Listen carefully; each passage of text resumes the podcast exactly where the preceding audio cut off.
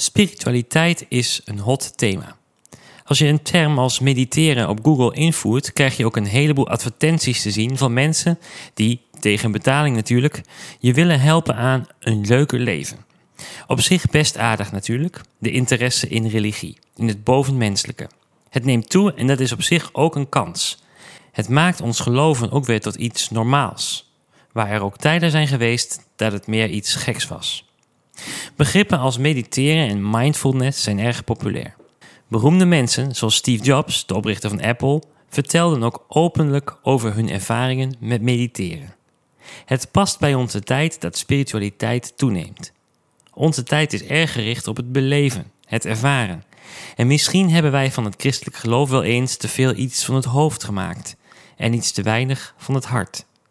Ik wil vanmorgen wel een pleidooi houden voor meer meditatie. Nee, niet de variant voor een leuker leven zoals Google die ons aanbiedt, maar een bijbels georiënteerde variant.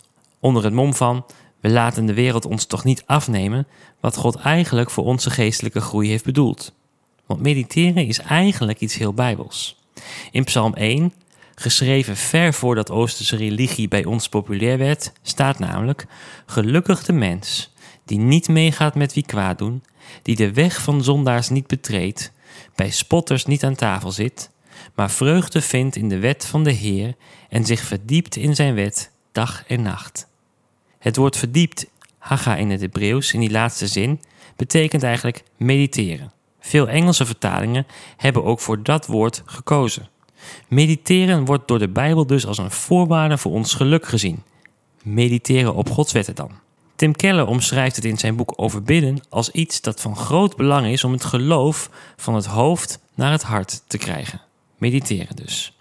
God kan ons nog zoveel richtlijnen meegeven, maar als wij die niet overpijnzen met de vraag: wat kan ik hiermee vandaag in mijn leven? dan missen we heel veel.